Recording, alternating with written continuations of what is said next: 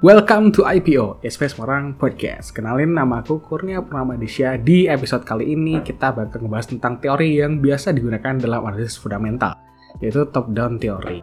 Jadi di analisis fundamental itu emang biasanya kita pakai top-down approach gitu untuk menganalisis saham. Atau kita bisa juga pakai yang sebaliknya yaitu bottom up. Nah, aku bakal jelasin yang top-down dulu lah ya. Jadi top-down approach itu adalah sebuah pendekatan analisis investasi yang menganalisis makroekonomi untuk tahap awalnya. Kayak PDB suatu negara, tingkat pengangguran suatu negara, tingkat inflasi, pajak, tarif bunga, dan lain-lain, sebelum menganalisis faktor mikro seperti ke level sektor atau level industri lalu spesifik ke perusahaan. Pendekatan ini memprioritaskan makroekonomi dan kondisi suatu negara. Jadi intinya pendekatan top down ini fokus ke big picture terlebih dahulu gitu kita fokus ngelihat keadaan ekonominya tuh gimana sih? Apakah keadaan suatu negara mendukung untuk kita berinvestasi di negara tersebut? Ya gitu-gitu deh ya pokoknya. Nah, setelah kita melihat kondisi secara luas, selanjutnya kita bisa nih ngelihat spesifik ke level industri. Kita melakukan identifikasi kira-kira industri atau sektor apa sih yang akan sangat terpengaruh oleh kebijakan pemerintah di negara tersebut. Nah, setelah itu di sini kita udah ada gambar nih, mulai screening saham-saham apa kan. Selanjutnya, udah deh kita tinggal screening aja spesifik ke level perusahaan. Kita bisa milih saham apa yang masih diperdagangkan di harga wajar, atau bahkan udah undervalued gitu di sektor tersebut. Dan sebagainya.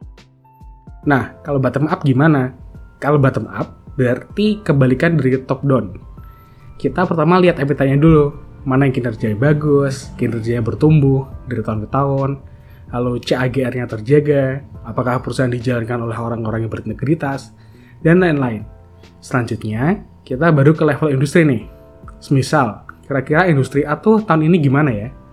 Apakah kebijakan pemerintah mendukung bertumbuhnya industri itu? Apakah industri ini banyak digunakan di negeri kita? Dan lain sebagainya. Kita perlu memahami gimana sih prospek industri ini ke depannya gitu. Selanjutnya baru deh kita lihat gimana kondisi negara tersebut. Apakah stabil atau sedang ada konflik? Pertumbuhan ekonominya gimana? Apakah negara tersebut rawan terjadi korupsi, dan lain-lain. Selanjutnya, emangnya top-down approach itu beneran bisa dipakai sebagai alat analisis? Ya, jawabannya bisa dong. Contoh aja nih, di tahun 2020, pasti teman-teman ingat lah ya, dengan isu Tesla yang mau masuk ke Indonesia. Di situ, semua saham yang berhubungan dengan nikel naiknya kenceng banget. Kenapa? Karena investor memiliki ekspektasi jika emiten nikel yang notabene digunakan sebagai bahan baku pembuatan baterai pasti akan meraup untung yang gede banget. Nah, kita lihat nih secara top down. Kondisi negara Indonesia saat tahun 2020 memang terpuruk banget. Tapi ingat, hal ini bukan cuma terjadi di negara kita, tapi di seluruh negara di dunia dikarenakan pandemi COVID-19. So, ini bukan suatu masalah ya, karena bukan negara kita aja yang keadaan ekonominya tuh jatuh gitu. Lalu kita turun ke level industri. Tahu nggak sih teman-teman, ternyata Indonesia adalah negara yang memiliki cadangan nikel terbesar di dunia loh dan jadi salah satu negara produsen nikel terbesar di dunia juga. Wow. Lalu, industri nikel juga terdampak oleh peraturan TKDN atau tingkat kandungan dalam negeri yang diterbitkan oleh pemerintah Indonesia. Jadi kalau ada pabrik baterai mobil mau ke Indonesia nih, otomatis pasti pakai nikel dari Indonesia dong untuk memenuhi TKDN itu.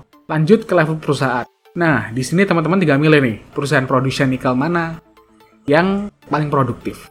Kondisi keuangannya paling sehat, manajemennya yang berintegritas, dan lain sebagainya. Baru teman-teman bisa menentukan pilihan investasinya. Tapi lama dong kalau kita pakai analisis gituan dulu baru beli saham, ntar harganya keburu naik. Ya bener sih, tapi apa ya, teman-teman mau beli kucing dalam karung. Niatnya investasi kan, bukan spekulasi. Nah, kalau kita nggak tahu perusahaan apa yang kita beli sahamnya, itu malah lebih beresiko loh. Ingat kata Opa Warren Buffett panutan kita semua. Risk comes from not knowing what you're doing. Nah, jadi gimana? Apa teman-teman udah mulai berpikiran kalau analisis top down atau bottom up ini perlu? Oke, okay, sampai sini dulu ya guys episode kita kali ini yang ngebahas tentang top down teori yang digunakan dalam analisis fundamental. Semoga episode ini semakin menambah wawasan sobat IPO dalam berinvestasi. Dan semoga sobat IPO gak ngantuk ya dengirinya. Aku Kupaya pamit undur diri dulu. Jangan lupa follow Instagram kita di @ispsemarang dan cek link trik kita untuk join grup diskusi Telegram kita. Semoga selalu sehat di mana pun Sobat IPO berada. Stay tune untuk episode selanjutnya dan terima kasih sudah mendengarkan. Siapa kita? Investor Saham Indonesia. See you in the next episode. Bye-bye.